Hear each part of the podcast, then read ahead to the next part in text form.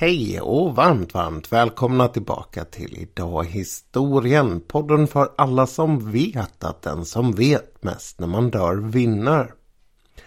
Mitt namn det är som alltid Nils Hjort och julen här hemma i det hjortska hushållet den har varit lite som att leva i Pandoras ask får jag säga. Med en femåring som går på dagis så blir det väl kanske inte bättre än så i dessa tider. Vi har tack och lov klarat oss undan coronan men det känns som att ungefär allt annat har drabbat oss. Men nu är jag här igen med en lite raspig röst och jag hoppas att den håller för vi har en hel del att ta tag i här framöver. Tanken var från början att den här podden skulle handla om lite allt möjligt kring Atlanten. Ni vet sådär blandat som det kan bli med lite rester efter julhelgen. Och de här resterna det skulle då alltså ha varit lite olika intressanta grejer om Atlanten och grejer som har hänt runt omkring den. Men när jag började titta tillbaka på de här sakerna som har legat i bakhuvudet och krävt att få en liten plats i en podd så fastnade jag helt i resandet fram och tillbaka över Atlanten med motordrivna skepp. Och jag insåg att det här det är helt klart ett ämne som är tillräckligt långt för att få sig sin alldeles egna podd. Så idag så stannar vi där och så lämnar vi de här andra grejerna som jag funderade på till ett annat tillfälle. Och varför är det då så intressant med resor över Atlanten? Jo men till att börja med så är det ju fantastiskt häftigt att man liksom mer eller mindre bara upptäcker två nya världsdelar någonstans där 1492 med vårt perspektiv och se på världen det vill säga. Men det är ju egentligen inte då det upptäcks och det fanns ju redan folk där på plats. att vi kan lämna hela den där diskussionen därhän för det är egentligen inte det som jag tycker är det allra mest intressanta i det här. Utan vi ska hoppa fram till en bit in på 1800-talet och ni som känner mig och har hängt med på podden ett tag ni vet att det är den här tiden som jag gillar allra bäst. Det som nu händer och det som gör att Atlantresorna helt plötsligt blir mer intressanta det är att de börjar bli motordrivna. Det är att man ger upp segelskeppen sakta men säkert och att ett nytt sätt att ta sig fram och tillbaka börjar utkristalliseras. Ett sätt som de kommande 130 åren ska dominera resandet fram och tillbaka och som dessutom kommer göra en hel del saker som säger väldigt mycket om den mänskliga naturen. Och det är på det sättet som jag tänker försöka hålla den här podden lite bredare än att bara handla om själva resandet. Att knyta ihop de här sakerna som händer med olika omvärldsfenomen och vad det egentligen är som driver historien framåt. Det som först händer här det är såklart att man börjar komma på att det går att använda ångmotorer. Och när man gör det så är det en väldig massa olika saker man börjar bygga samtidigt. Men för resandets skull så är det just ångbåtarna och tågen som spelar den allra största rollen. Och det är faktiskt en man som ägnar sig åt just tåg som kommer att ta en av huvudrollerna precis i inledningsskedet här. Den alltid lika spännande Isambard Kingdom Brunell, är det som dyker upp. Ett namn som i Sverige är ganska okänt men som i England är fantastiskt hyllat. Det var en man, en ingenjör och uppfinnare som var uppfinnar-Jocke, Dr. Snuggles och eh, ja, vem har vi mer? Petsson i Petsson och Findus samtidigt i en och samma person. Han beskrivs som väldigt, väldigt rolig och fullständigt genial. Och när han byggde järnvägen västerut i England så gjorde han det på ett sätt som helt och hållet skulle lägga grunden för det moderna järnvägsbyggandet. Och när han kom fram till Bristol, eller egentligen då banan var inte klar utan prospekteringen för banan pågick. Så sa han, alltså om vi vill göra den här ännu längre så kan vi väl bara dra rätt ut över havet och över till New York. Det är bara att bygga en ångbåt. Och det sköna med den här då, Isambard Kingdom Brunel, det var att han var en man som inte bara fick sådana här idéer utan han körde dem också i mål. Så förutom då att han ritade ett helt järnvägssystem ända ner till stationsbyggnader och minsta lilla saker sådär. Så började han nu att skissa på hur man skulle kunna göra en båt som skulle gå med motor över Atlanten för första gången. Tiden här det är mitten av 1830-talet och det här som jag nämnde om att det här kommer att visa en hel del av det som är intressant med den mänskliga naturen. Det börjar utkristallisera sig redan här. Därför att så fort han börjar tala om att han ska göra det här så kommer det konkurrenter. Och direkt det kommer konkurrenter så kommer man på att man måste tävla. Vem är först över och vem är snabbast över? Isambard Kingdom Brunells skepp det hette Great Western. Och när det las i havet och man började förbereda allting med motorer sådär. Så var det ett annat företag som hade ett skepp som var ute och gjorde kartor och mätte djup och olika sådana här saker. De sa om han kör så måste vi hinna före och satte full fart med sitt skepp Sirius som höll på att gå upp i Irländska sjön. Det här skeppet det var egentligen på alla sätt underlägset det som Brunell hade byggt. Men det hade fördelen av att det startade lite, lite tidigare. Och när Brunells skepp Great Western sen väl fick fart så började det sakta men säkert att ta in på Sirius. Och redan här 1838 är det alltså en kamp på verkligen knivsäggen om vem som ska hinna först från England och över till USA. Det slutar med att Sirius vinner och det sägs att de faktiskt var så oerhört pressade så de började bryta upp spanten. Ni vet de här tvärgående delarna som håller ihop skrovet för att ha fler saker att elda för att hålla trycket uppe i den där, eh, ja vad heter det, ångpannan. Och när de väl hade hunnit in så dröjde det faktiskt bara ett dygn så var Great Western framme också. Och det intressanta här blir då att Sirius är först över. Men att det är Great Western som har gjort det med den snabbaste snitthastigheten.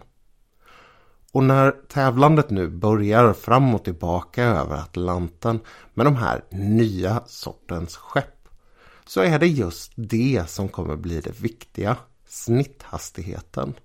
Därför att alla skepp börjar ju från olika platser och stannar ju på olika platser. Även om rekordförsöken en bit fram kommer att bli ganska, ska vi säga, standardiserade. Den naturliga frågan i det här läget är såklart, men hur fort gick det då? Och den är egentligen ganska ointressant att besvara om man inte har någon form av punkt att referera till. Att flyga över till New York idag är ju en ganska enkel affär. Men vid den här tiden, innan de motordrivna skeppen började gå, så var man ju helt utlämnad till segelfartyg. Och segelfartygen, de hade sin egen logik. En logik som hade byggts upp under många, många århundraden. Var det dåligt väder så kunde man helt enkelt inte gå ut. Och när man väl gick ut Ja, då fick det ta den tid det tog innan man kom fram. För man visste aldrig vad man skulle stöta på för hinder i vä på vägen. Oavsett om det var dåligt väder eller stiltje eller vad det var. Såklart så blev människan enormt mycket bättre under den här tiden att räkna ut hur och var man skulle eh, förlägga de här resorna för att få de kortaste möjliga och de säkrast möjliga resorna. Men trots det så tog det väldigt lång tid. Det var inte ova ovanligt att det tog någonstans mellan 30 och 40 dagar att åka från Nordamerika och över till Västeuropa. Eller att det åt andra hållet på grund av bland annat då Golfströmmen och hur eh, vindarna går runt jorden tog någonstans en bit över två månader, alltså 65 eller kanske till och med uppemot 80 dagar att åka över åt det hållet. När Sirius for över så hade hon 8 knops fart eller knappt 15 km i timmen för den som vill räkna på landvis. Det här det motsvarar 18 och ett halvt dygn. Och när Great Western gled in där dagen efter så hade de hållit hela en halv knop högre fart. Eller lite drygt faktiskt. Det var nästan en hel kilometer i timmen. Men det gjorde faktiskt resan tre dygn kortare. Och för den som har suttit fast på en båt så vet ni att ja, tre dygn det är en ganska lång och tråkig tid att vara där. Och det är tvivelsutan så att Isambard Kingdom Brunells skepp Great Western är den som avgår med vinsten här. Det kommer att bli modell för hur man bygger sådana här skepp under en ganska lång tid framöver. Och intressant för oss som tänker oss skepp som stora, ganska välformade saker som glider genom vattnet utan några större bekymmer. Så var det inte så på den här tiden. Till att börja med så byggde man skeppen fortfarande som man byggde segelskepp till väldigt stor del. Och de här motorerna som man använde, de använde inte propellrar utan de hade sådana här stora paddlar på sidorna. Det är inte det mest effektiva sättet att driva fram en båt men det är ett sätt som är enkelt att bygga som passade den här tidens teknik vad det gällde kraftöverföringar och vad det gällde motorer. Och för säkerhets skull så hade man fortfarande segel på de här skeppen. Och när det var riktigt gynnsamma vindar så använde man faktiskt också dem fortfarande. Så skeppen kunde få lite extra fart ifall de hade medvind. Great Western var 87 meter långt. Vilket kanske låter som en rejäl pjäs men som i sjöfartens Eh, senare historia åtminstone är ganska klent. Det är lite mindre än hälften av vad Estonia hade och det är väl ungefär hälften av vad en Finlandsfärja idag fortfarande har. Det var för den som är intresserad av sådana siffror ett deplacement på 2900 ton och det där det är en siffra som kommer gå rejält uppåt under de kommande decennierna här. För sjöfarten så började det här naturligtvis väldigt fort att spela en väldigt stor roll. Och en av de sakerna som man först tar tillvara på det är posttransporterna fram och tillbaka över Atlanten. Post är ju någonting som man vill ska komma fram så fort som möjligt och att få ner det här då till 18 dygn och 15 dygn och så vidare. Jämfört med som jag sa tidigare 30 eller till och med uppemot 70-80 om det var dåliga förhållanden och resa från öst till väst. Det var ju en fantastisk förbättring. Det här gjorde också att man kunde eh, skriva ganska gynnsamma kontrakt med staten. Och för Englands del så innebar det också att man kunde tjäna en hel del pengar på USA. Därför att kontrakten som skrevs, de skrevs med engelska redare. Och här kommer nästa sån här ganska intressanta del då av människan, människans natur. Det kommer någon form av nationell stolthet in i det här. USA var ju som land ännu inte ens hundra år och att hålla på och betala till den gamla kolonialmakten var ju ingenting som man gärna gjorde. Och därför så började man leta med ljus och lykta efter någon vid mitten av 1840-talet som kunde ta och ta över den här trafiken och se till att amerikanska pengar gick till ett amerikanskt företag. Ganska snart så bygger man nya skepp. Skepp som har fått en hel del statsbidrag som sagt. Och anledningen till att man fick de här statsbidragen det var inte bara för att man skulle hålla posten igång. Utan det fanns egentligen två olika sorters bidrag då. Dels det här att man körde posten som låg på vanligtvis årsbasis eller längre. Men också bidrag för tillverkningen av de här skeppen. Och anledningen till att man ville hålla den inom landet och bygga de här stora, stora båtarna. Det var att man insåg att om det blev krig så var det väldigt bra att ha stora skepp som man kunde flytta trupp på. Och det där det är ett tema som kommer följa med långt bortom 1840-talet. Och egentligen ända fram till slutet av den här oceanångar eller oceanskeppstiden. Skeppen som USA nu bygger de är hyfsat lika de här tidigare skeppen. Det är paddelångare och även om de växer på alla håll och kanter så är grundkonceptet detsamma. Redaren som äger de här heter Collins och man bygger ursprungligen fyra olika skepp som då ska kunna användas dels för att köra transport, eh, transportera post och eh, resenärer, passagerare fram och tillbaka. Men också då i händelse av krig kunna transportera trupp. Och ett av de här skeppen det är som allra mest känt när det orsakar en av de här stora och många olyckorna som har varit. Det här skeppet det heter SS Arctic och det måste in en liten berättelse här nu. Jag ser att jag har hoppat helt fel på raden i mina stödanteckningar. Um, Great Western som Isambard Kingdom Brunel byggde. Det var lite drygt 70 meter och 2300 ton. Det här SS Arctic. Det är det som är 87 meter och 2900 ton. Rätt ska vara rätt. Ehm, det som händer är i alla fall att SS Arctic uppe vid Newfoundland eller Newfoundland då om man ska använda ett kanadensiskt uttal. Ehm, det krockar i dimma med ett annat fartyg och först då tänker man att det är ingen fara med det här skeppet, det tål det mesta.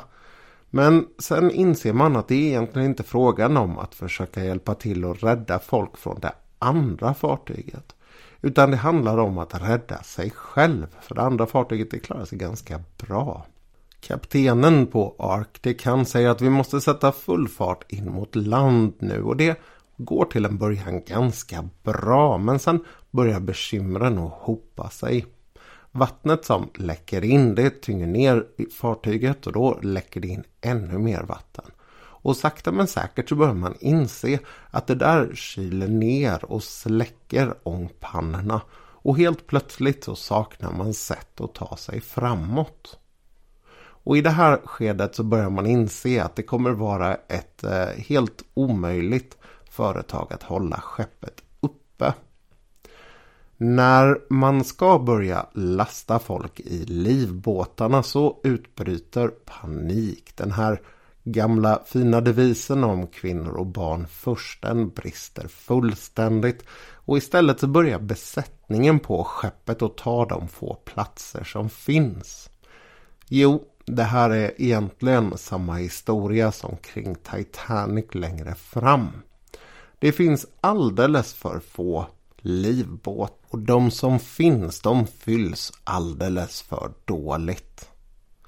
Man har följt alla regler och man har sex stycken livbåtar. De tar ungefär 30 personer per båt och det innebär ju att man kan rädda eller åtminstone undsätta 180 personer. Ombord passagerare och besättning tillsammans finns det 400 så redan där har man ju stora bekymmer. Och det här är ju också vid en tid där man har väldigt svårt att få kontakt med andra skepp. Titanic hade ju den stora fördelen att de kunde skicka meddelanden och kalla dit andra. De här livbåtarna som glider ut från Arctic. Av dem försvinner tre stycken. Man vet inte alls var de tog vägen. Tre stycken de räddas och bland dem så är bland annat kaptenen. Men i och med att han gick ner ihop med sitt skepp och sen flöt omkring i två dagar hållandes fast vid vrakgods så anses han ändå ha varit ganska respektabel i det här och undkommer all kritik. Och kritik det kommer det faktiskt att bli en hel del mot besättningen när den här nyheten väl når New York.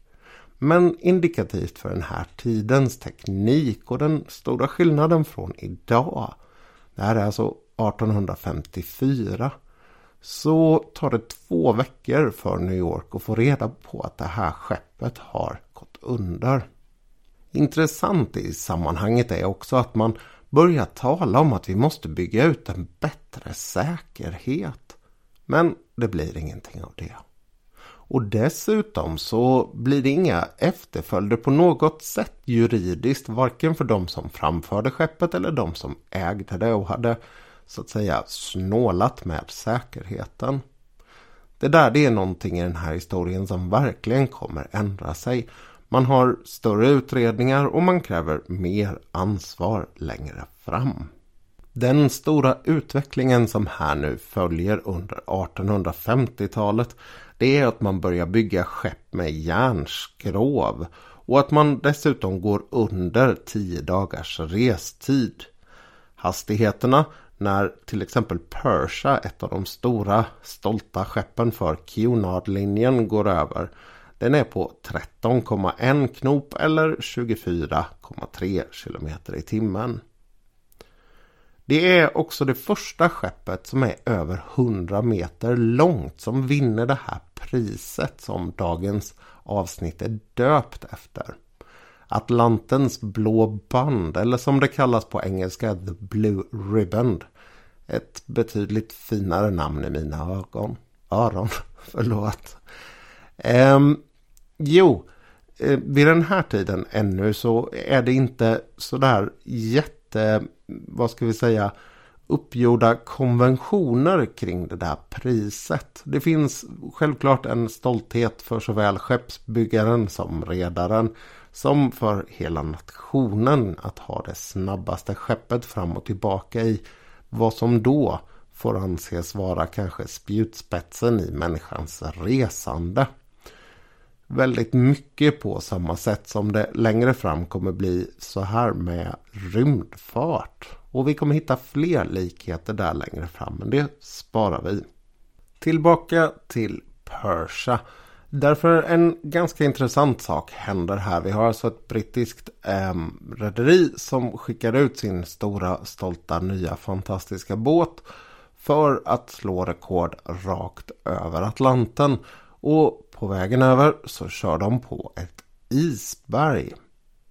Den här gången så hände det faktiskt ingenting utan Persia hon tål att man smäller i det där isberget och det har bland annat med att hastigheten är lägre att göra naturligtvis men också sättet som man byggde båtar på fortfarande vid den här tiden. Ehm, det var annorlunda när Titanic sen skulle köra över. Det var faktiskt inte så att man försökte slå rekord. Vilket man väldigt ofta skyller det hela på. Utan vad det handlade om var istället att hitta en väg med kortast restid och ett skepp som inte var byggt för högsta hastighet. För det kommer följa lite olika moden här nu. En del de satsar på att bygga rejält lyxiga skepp som man kan trivas på och ta välbetalt av passagerarna för. Och andra de satsar på att bygga snabba skepp. Skepp som tar med sig så mycket folk som möjligt och sen tillbringar så lite tid som möjligt i hamn. Men jag ska återkomma till det där också alldeles, alldeles strax. Det som händer i omvärlden vid den här tiden det är Krimkriget. Och för de brittiska redarna så är det där ganska krångligt för de måste skicka iväg sina skepp man hade ju de här uppgörelserna med staten att man skulle kunna använda skeppen till att transportera både folk och materiel. Och för Cunard-linjen till exempel då så innebär det här att man saknar 11 av sina skepp under kriget. När sen saker börjar gå tillbaka till det normala igen efter kriget då satsar man från Cunards sida väldigt, väldigt hårt och så bygger man ett nytt skepp som heter Scotia. Och det ska då slå det här rekordet och det gör man med 14 och en halv knops fart ungefär. Det vill säga 27 km i timmen eller en lite halvtrött moped. Och för den som funderar på hur lång tid det hade tagit att ta moppen över till New York så hade det varit 8 dygn och 3 timmar. Det här blir det sista skeppet med paddlar som vinner det här blå bandet. Den här tekniken är nu 1862 på väg att dö. Och istället så kommer den att ersättas av skepp med propeller. Det första skeppet som slår rekordet över Atlanten med propeller heter Adriatic. Och det tillhör White Star Line, alltså Vita stjärnlinjen. Och det här skeppet är intressant av andra anledningar också. Man satsade ganska hårt på olika typer av lyx och bland annat försökte man bygga ett system med gaslampor istället för oljelampor. Som alltså mer effektivt och faktiskt också med ett bättre ljus skulle lysa upp skeppet. Men det där krånglade och fungerade inte. Men det visar på den här ambitionen man hade att satsa för passagerarnas bekvämlighet och att skapa en lyxupplevelse under den tiden man var ombord. Man var ju ändå där i lite drygt en vecka när man reste över. På själva fartygssidan, alltså själva skeppet i sig och inte inredningen, så går det ganska fort här nu. Och det intressanta är då att Isambard Kingdom Brunell som ni kommer ihåg här för en typ kvart sedan när jag pratade om honom. Han hade på 1840-talet byggt järnskrov eh, på sina skepp och propellrar på mindre skepp då än de här stora atlantgående skeppen. Och det är det som nu börjar slå igenom. Det är tydligt att det är den typen av skepp som är framtiden och att de gamla träfartygen med paddlar är borta. Och det första skeppet som slår rekord med både järnskrov och propeller det är 1875. Det ägs av ett rederi som heter Inman Line och längre fram så kommer de att göra avtryck i den här historien. Vid det här laget så handlar det egentligen mest om att de vinner det här priset en gång med det här skeppet då som heter City of Berlin. Det som sen sker vid mitten av 1870-talet är att det blir en ekonomisk dipp och med den ekonomiska dippen så sjunker passagerartrafiken och möjligheterna att satsa på nya och kanske lite mer, vad ska vi säga, Eh, lyxiga exotiska alternativ ombord. De amerikanska skeppen här de ansågs vara obekväma och var faktiskt också ganska oekonomiska. Sen så följer stålbåtar. Ehm, det kommer några innan man går över till att börja använda två propellrar. Men nu börjar ju skeppen bli faktiskt väldigt moderna byggda i stål och med skrov som är anpassade för den här nya typen av framåtdrift.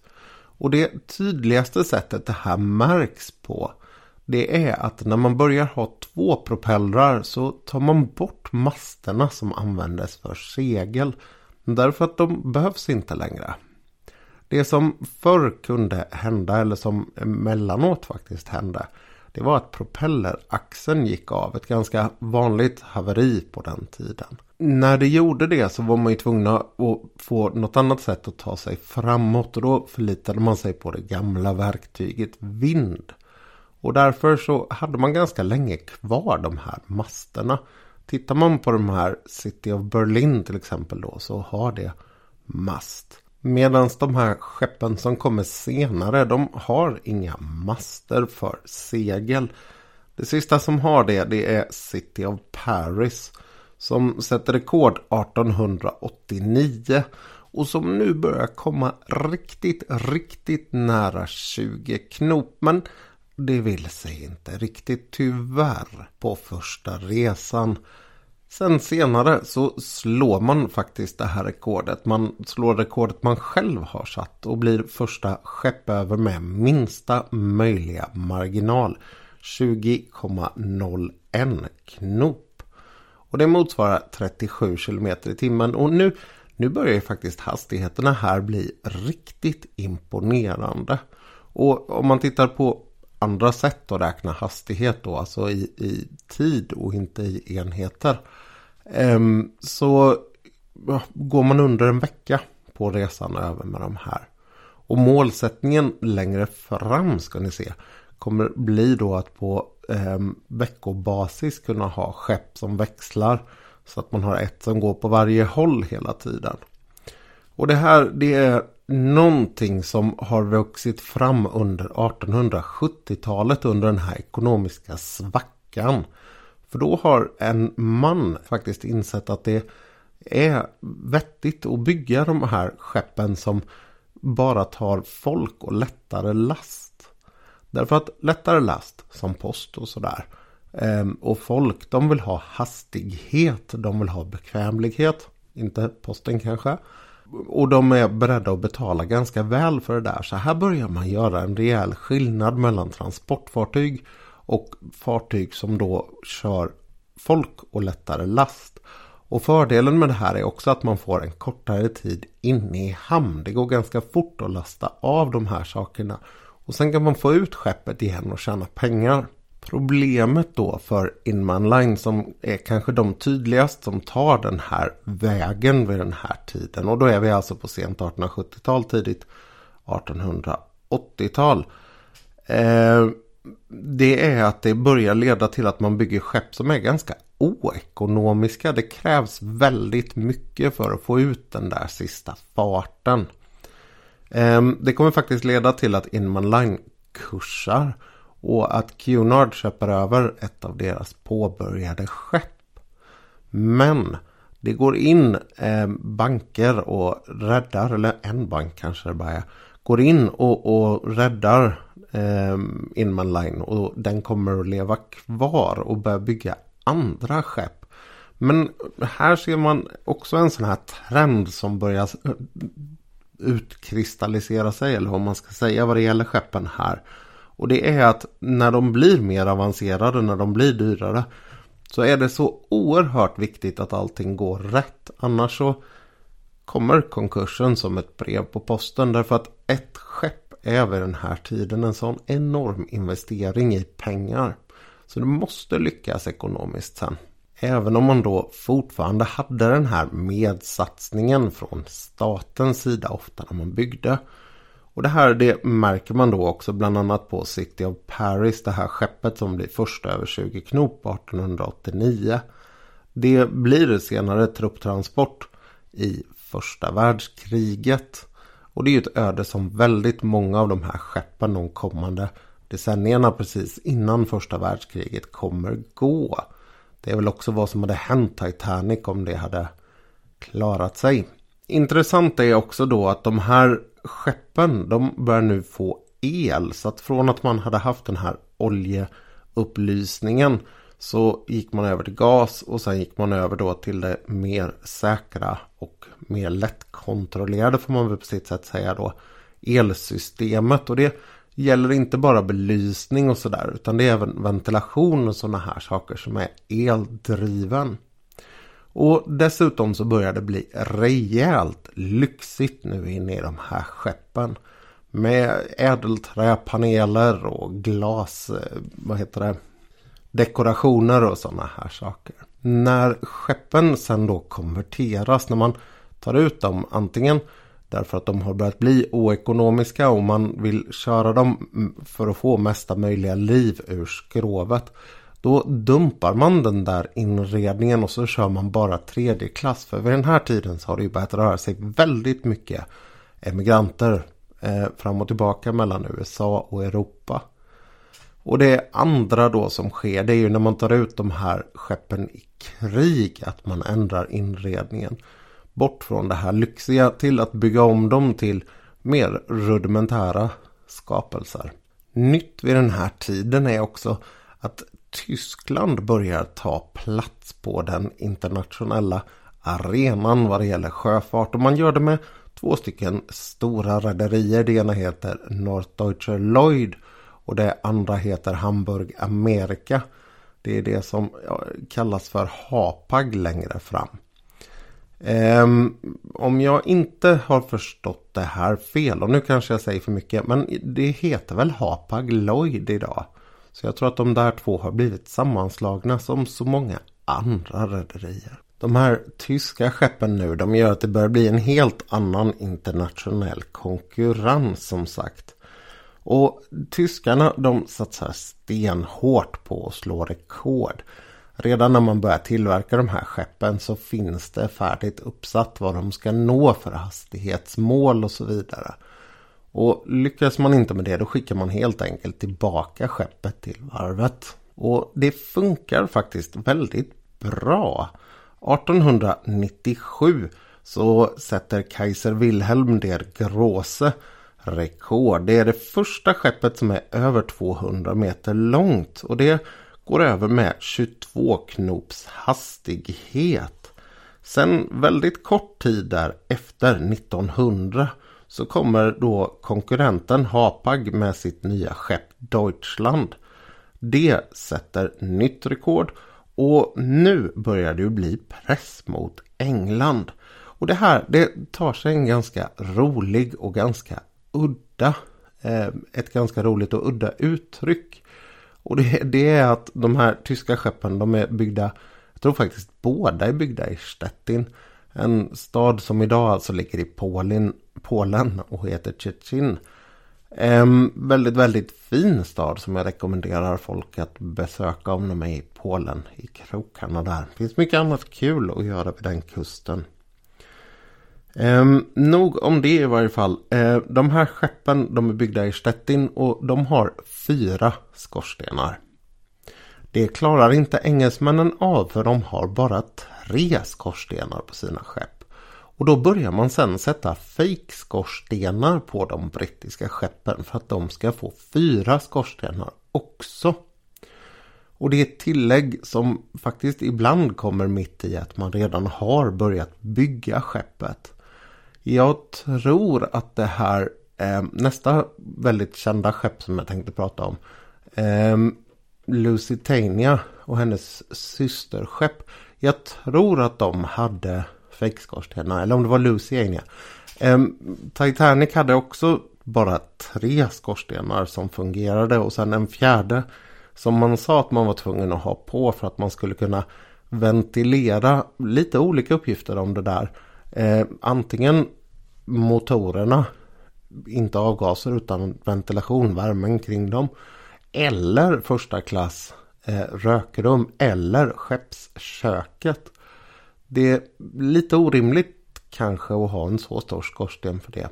Vad vet jag? Jag är inte någon varvsman men det är i alla fall intressant att se att den här nationella stoltheten, den här eh, tävlingsandan som tar tag i folk. Det handlar inte bara om att vara snabbast över Atlanten utan det handlar också om att vara byggt med någonting som ser modernt och ser spännande ut och som inte ser sämre ut än den andres åtminstone. Det där känner ni säkert igen i många andra saker och det är också vid den här tiden som det här med det blå bandet, eh, Blue Ribbon, börjar bli rejält viktigt och stort. Och det är alltså någonting som saknar fasta regler. Det finns konventioner kring detta. Och det kan vara värt att ta upp det vid det här läget. För att vad som nu sker är att när man börjar tävla mer specifikt eller man börjar tävla mer målinriktat för de här sakerna.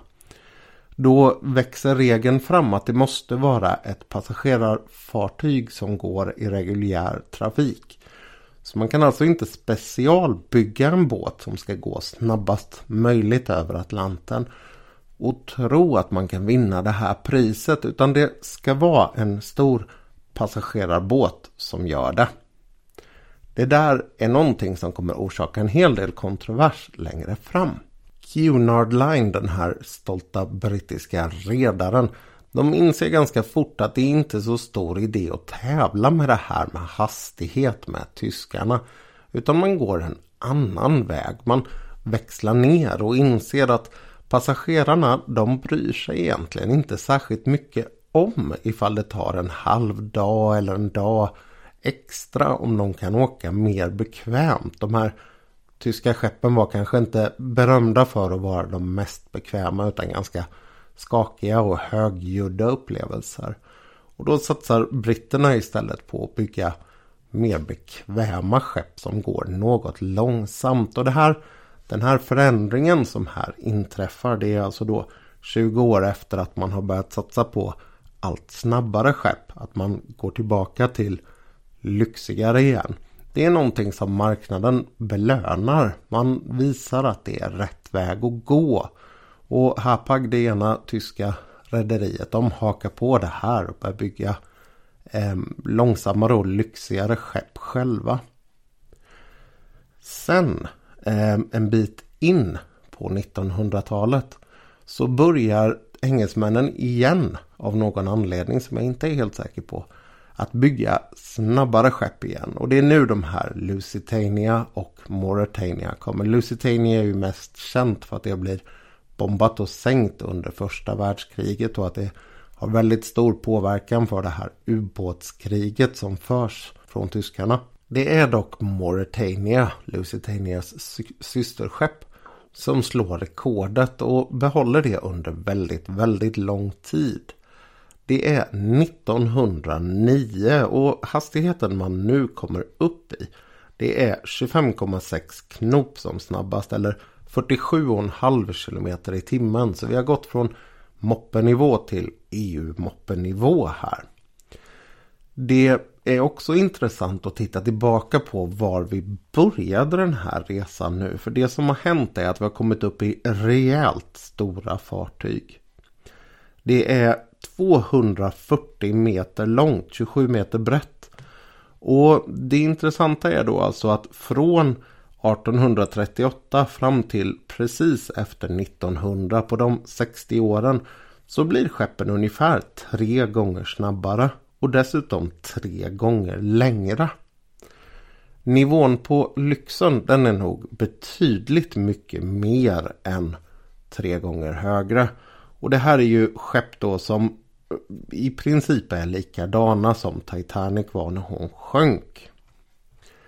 Mauritania när hon sätter det här rekordet 1909 det kommer hon att behålla i 20 år.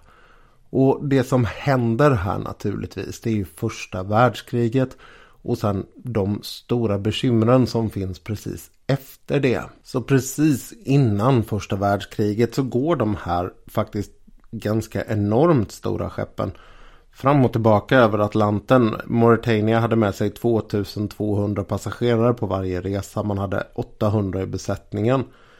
Eh, sen fanns det ju de här billigare skeppen då som gick med emigranter fram och tillbaka. Och sen kommer första världskriget. Skeppen går i väldigt stor del över till flottan eller till armén då. För att kunna transportera folk och eh, materiel. Och det är ju intressant för det är ju i ett sånt här läge då som Lusitania sänks. Och det har ju varit jättemycket diskussion om vilken eh, ställning det skeppet hade. När tyskarna använder sig av den här ubåtskrigföringen eh, så sätter man ut annonser i amerikanska tidningar att åk inte med de här skeppen för det finns väldigt stor chans att vi kommer sänka dem. Och anledningen till att man ville sänka dem var ju då att man transporterade misstänkte eller visste man eh, väldigt ofta andra saker än bara passagerare. För i krig så ska man ju då inte röra ett skepp som bara kör eh, passagerare. Även om det då finns perioder i krig när man säger att de här områdena är förbjudna för passagerarskepp att gå i och åker ni in där så får ni skylla er själva. Olika krig, olika regler, olika tider, olika regler. Men vid den här tiden i varje fall så vet vi nu i efterhand att Lusitania smugglade, eller vad man ska säga, eh, saker som man då hävdade inte fanns ombord, bland annat ammunition.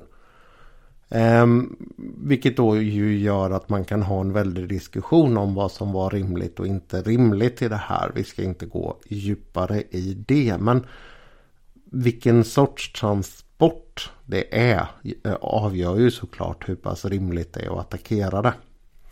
Det är min poäng. Det som sen händer efter första världskriget är ju bland annat då den här enorma sjukdomen som har pratats om en hel del eh, kring corona. Just spanska sjukan. Ehm, och som förlänger lidandet. Det är inte bara kriget utan det är även den här sjukdomen som drabbar väldigt, väldigt mycket folk. Och framförallt en pandemi som är annorlunda för att den drabbar unga i väldigt stor utsträckning. Sen också vid den här tiden så förändrar USA sina regler för invandring. Vilket gör att emigrationen till väldigt stor del upphör. Precis i början av 1920-talet. Så det är väldigt mycket här som ändras vid tiden kring första världskriget. När 20-talet sen ordentligt kommer igång. Då är det ju the roaring twenties eller det gyllene 20-talet. Vad man vill kalla det liksom. Alla länder har olika namn på det där också. Och det här avspeglar sig till slut i de skepp som byggs. För nu blir det stor underhållning, ännu lyxigare. Och en av de sakerna, roligt nog, som påverkar det här. Det är att man i USA inför ju det här förbudet mot alkohol, förbudstiden i USA. Och då är det väldigt många rika amerikaner som vill ge sig av ut till Europa och som vill kunna fästa ordentligt på vägen. Ovanpå alla de här problemen som alla andra länder hade så hade ju Tyskland lite egna problem under 1920-talet för att uttrycka det milt. Ehm, trots det här så lyckas man bygga ganska imponerande skepp där. Och bland annat så är det beroende av att USA de har tagit tyska skepp som har varit antingen i hamn i USA eller i deras område under första världskriget. Och så kompenserar man för det här längre fram sen. Så vid mitten av 1920-talet så får eh, um, Tyskland en hel del pengar ehm, för de här skeppen som USA har tagit under första världskriget. Och då bygger man olika ganska Stora, lyxiga och snabba skepp. Och England de försöker haka på det här men de har helt enkelt inte råd. Så enkelt uttryckt när man börjar slå nya rekord här nu så är det nya spelare som dyker upp delvis. 1929 ehm, efter 20 år att Mauritania har satt sitt rekord så kommer det tyska skeppet Bremen att bli det första tyska fartyget som har The Blue Ribbon på ett kvarts sekel. Man sänker egentligen inte eh, tiden, restiden, för man har en annan rutt. Och det var ju som det här jag pratade om att det är snittfarten som spelar roll. Och egentligen så har inte hastigheten ökat sådär enormt mycket heller utan den går upp från 26 knop till 27,8 alltså lite drygt 50 km i timmen. Det är dock väldigt mycket mer avancerade fartyg som byggs. Man har gått över från det här med koldrift till att använda olja bland annat. Man har ändrat från de här motorerna som man hade tidigare till mer avancerade turbinmotorer. Och man har också mycket, mycket mer avancerade skrov. Och det här kommer nu att märkas tydligt i skeppen som byggs. Och det här det är väl piken för de eh, stora oceanskeppen. Och det märks kanske allra tydligast i att man börjar kopiera byggstilen på de här. De här skeppen byggs i art stil Och stilen den kallas för streamline. Och det är någonting som kommer gå igen i alla möjliga typer av skepp. Eller förlåt, konsumtionsvaror. Ehm, allting från bilar till möbler till radioapparater, sådana saker. Till byggnader och eh, tåg, olika, ja inte konsumtionsgrejer då utan större och tyngre eh, varor. Det här är en stil som jag är väldigt, väldigt förtjust i och tycker är fantastiskt vacker. Ehm, jag ska faktiskt bli bättre på det här när jag poddar. Att lägga upp bilder på Instagram också. På de sakerna som jag har pratat om. Så där kan ni titta på Instagramkontot. Det heter som podden idag i historien. Så kommer jag att lägga upp bilder på en del av de här skeppen. Och på några av deras inredningar just för att den är så spektakulär. Nästa spelare in på plan här det är Italien. Och de bygger ett skepp som heter Rex. Det här skeppet det börjar gå precis när Mussolini och den och förstatligar de olika redarna. Och det här handlar ju återigen såklart om nationell stolthet. Rex hon sätter rekord 1933 och sen så kommer Frankrike in som spelare. Det blir Normandie, kanske det skeppet som är mellankrigstidens absolut lyxigaste och flashigaste på alla sätt och vis skepp. Även om det inte riktigt blir det snabbaste. För det är nämligen så att när Frankrike har det här fantastiska Normandie eller när man vet att man håller på att bygga det. Då sätter stressen igång i England och staten de går in med pengar mot löfte att man slår ihop linjerna. Eller ja, rederier då som det heter på svenska. Um, Cunard och White Star de går ihop och så bygger de två skepp som är oerhört kända. Queen Mary och Queen Elizabeth. Och de här två skeppen de är motsvarigheter till Normandie. De är uppe nu i 300 meters längd. Och i tiden är vi alltså nu 1935-1936. Och det är ju riktigt, riktigt stora skepp. Här snackar vi två Estonia efter varandra. Som med 30-31 knops hastighet sätter full fart ut över Atlanten. Och åker över på faktiskt Normandie då blir första skepp att gå under fyra dygn. Så på tre dagar, 23 timmar och två minuter som snabbast. Sen kommer Queen Mary året efter 1938. Och kanske inte så mycket krossar det här rekordet. Man går från 30,6 knop till 31 knop. Men man sätter rekordet som kommer stå.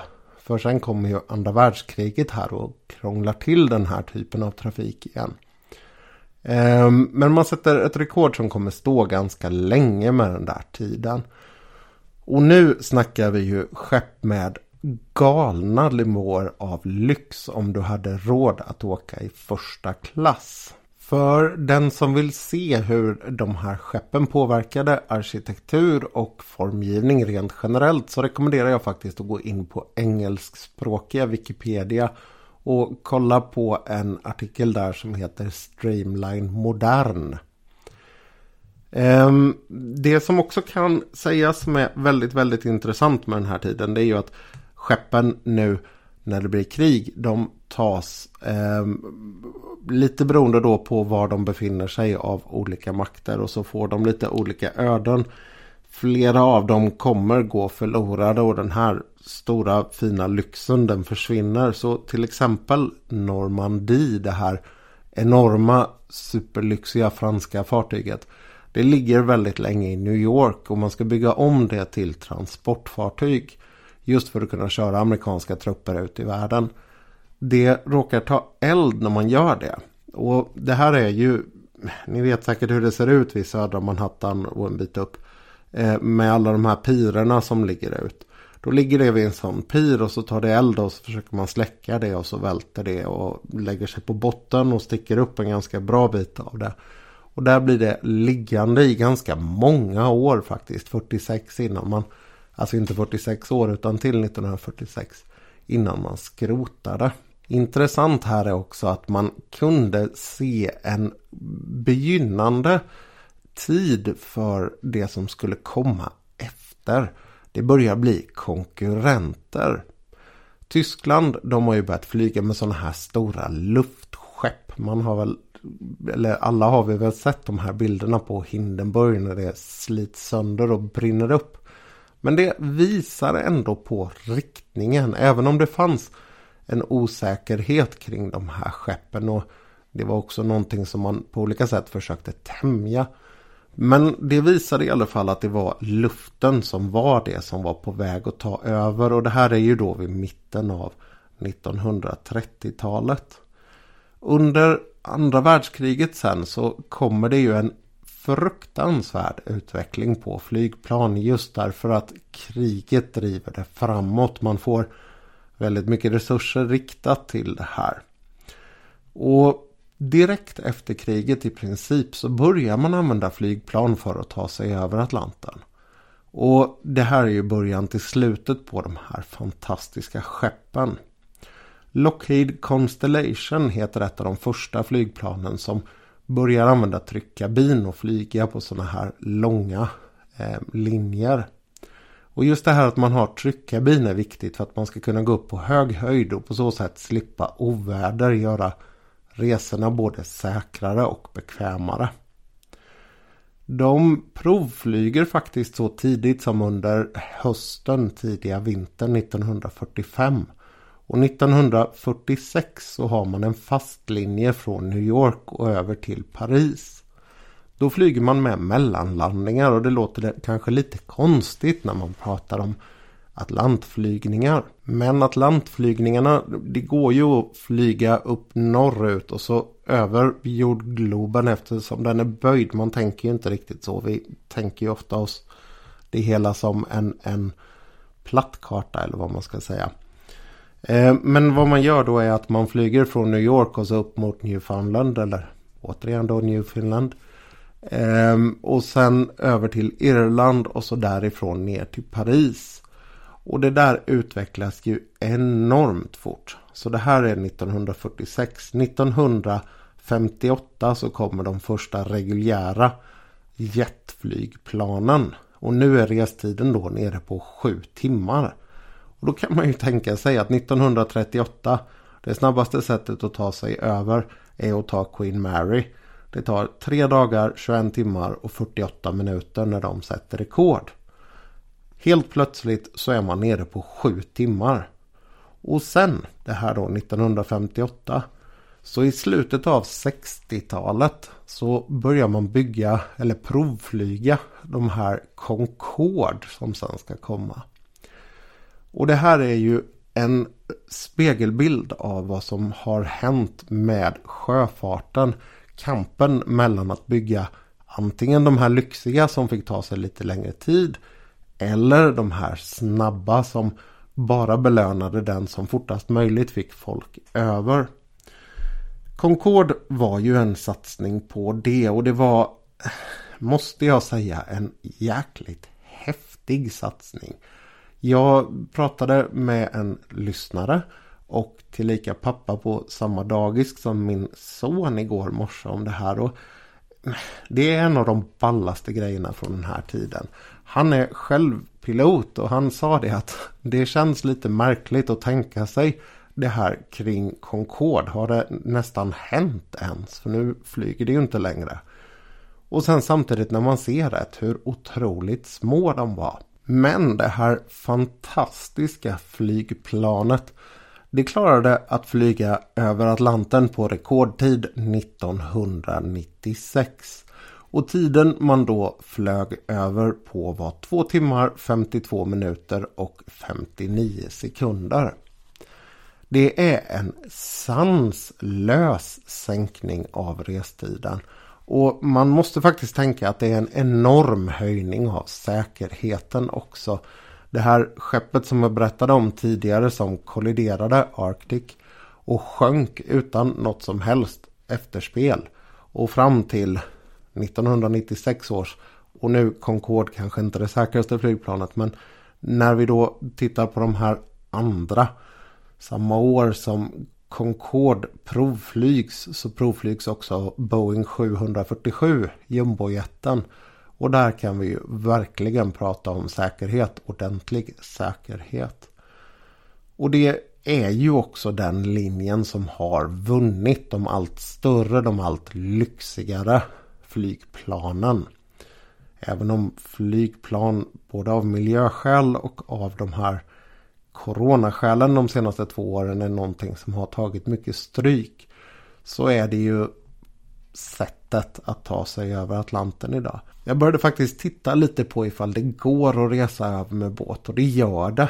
Ehm, så den som vill göra en sån sak som semester kan gå in och kolla på just Cunards hemsida.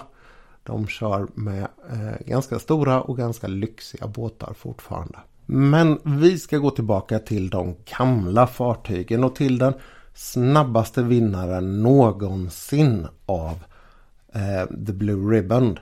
Nämligen United States. Ett skepp som byggdes efter andra världskriget. Efter att den amerikanska regeringen hade insett hur otroligt mycket trupp man kunde förflytta med de här stora brittiska Queen Mary och Queen Elizabeth. Och det var en satsning som var, får man väl egentligen säga, för sen. Man kommer att tjäna ganska mycket pengar för rederiet på det här och den kommer gå från 1952 till 1969. Men sen går det inte att få någon som helst eh, vad heter det, ekonomisk hållbarhet i det där skeppet. De fick ner tiden i varje fall till 3 dagar, 12 timmar och 12 minuter som snabbast. Och det är alltså 34,5 knop eller 64 kilometer i timmen. Och det här det är också ett riktigt stort skepp. Det är 900 i besättningen. Det är 1900 passagerare och 300 meter långt. Så jämfört med de här tidigare då. Um, och det är byggt med helt fantastiska motorer, helt fantastiska propellrar. Det går att gräva ner sig ordentligt i de här uppgifterna om man gillar sådant. Eh, men man kan ju säga faktiskt, det är ganska häftigt. 860 kilo vägde eh, varje propeller på det här. Fyra stycken 5,5 meter stora och som snurrar med 150 varv i minuten. Eh, idag så ligger det här skeppet i Philadelphia. Det har inte gått att köra det med någon större vinst sedan 1970 och det har legat stilla där sedan 90-talet. Man försöker komma på olika sätt att liksom få någon så här ekonomisk framgång i det. Men det går inte. Ehm, och man försöker just nu faktiskt mest av allt rädda det från att skrotas.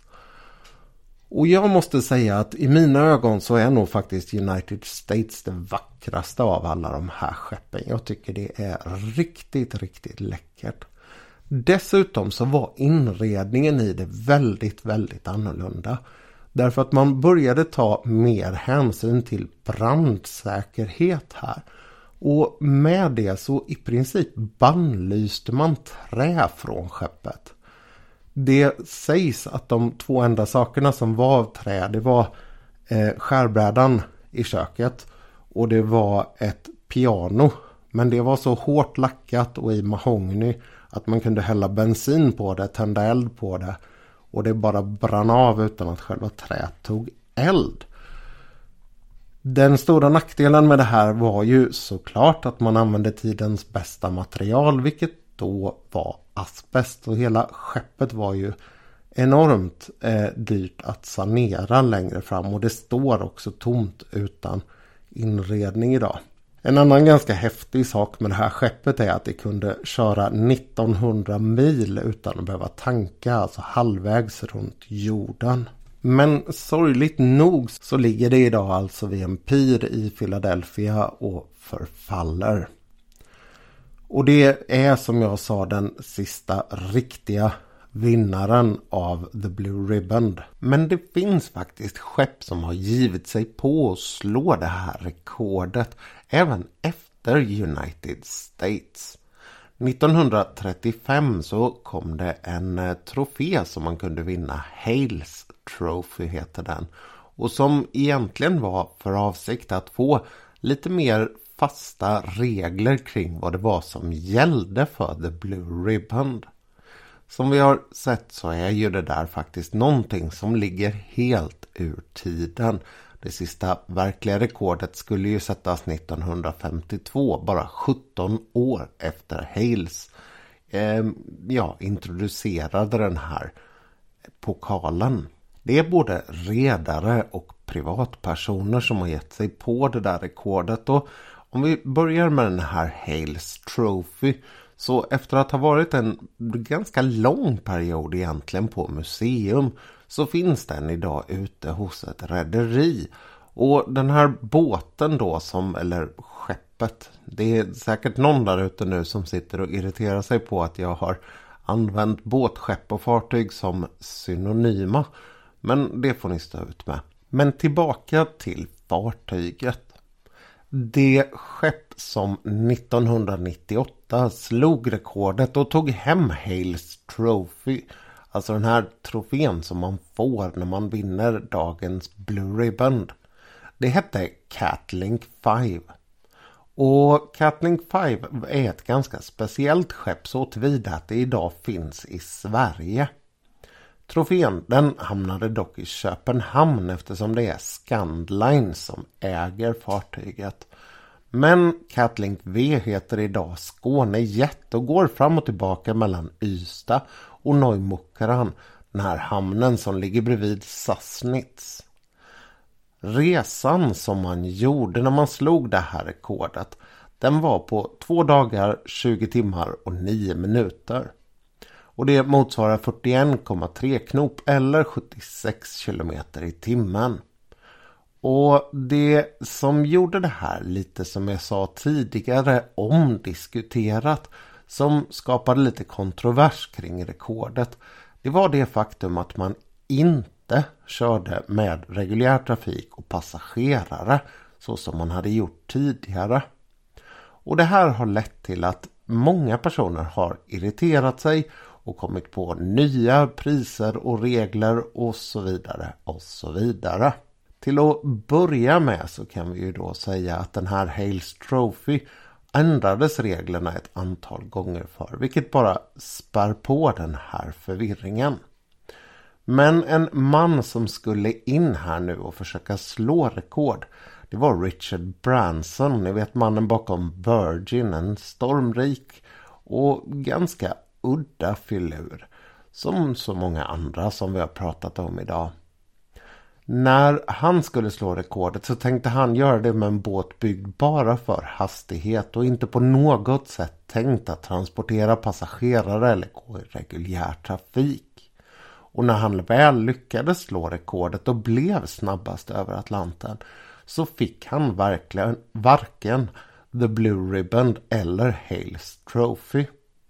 Vad gör man i ett sånt läge? Jo, såklart så skapar man sig en egen trofé. Virgin Atlantic Challenge Trophy utropades omedelbart. Och det som är spännande med det här är inte att det bara är ett excentriskt särdrag utan att han sa jag vill att någon kommer och tar den här ifrån mig. Så han verkligen eh, kastade handsken och öppnade för en rejäl fight om att bli snabbast över Atlanten igen. Och den där trofén den föreställer ett eh, väldigt känt fyrbygge eh, som heter Bishop Rock. Och det är där som många av båtarna som har gått från väst till öst har gått i mål. Och hur gick det då med hans utmaning? Jo då, det blev några rejäla satsningar för att ta rekordet ifrån honom och det lyckades faktiskt till slut också. Den man som låg bakom den här satsningen är kanske den mest udda figuren i den här samlingen. Betydligt mer faktiskt skulle jag säga än en man som Isambard Kingdom Brunell. Det är nämligen Aga Khan den fjärde som låg bakom en väldigt stor del av finansieringen för den båt som till slut har satt den bästa eller snabbaste, vad ni vill kalla det, tiden över Atlanten. Om ni inte är helt säkra på vem Aga Khan den fjärde är så kommer här en snabb liten genomgång.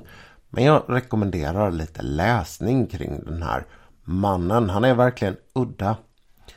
Han är född 1936 och idag ledare för en av grenarna inom islam. En gren som sätter väldigt stort värde vid att deras imam är släkt i rakt nedstigande led med Mohammeds svärson. Ehm, och då också genom dottern såklart ehm, släkt med Mohammed.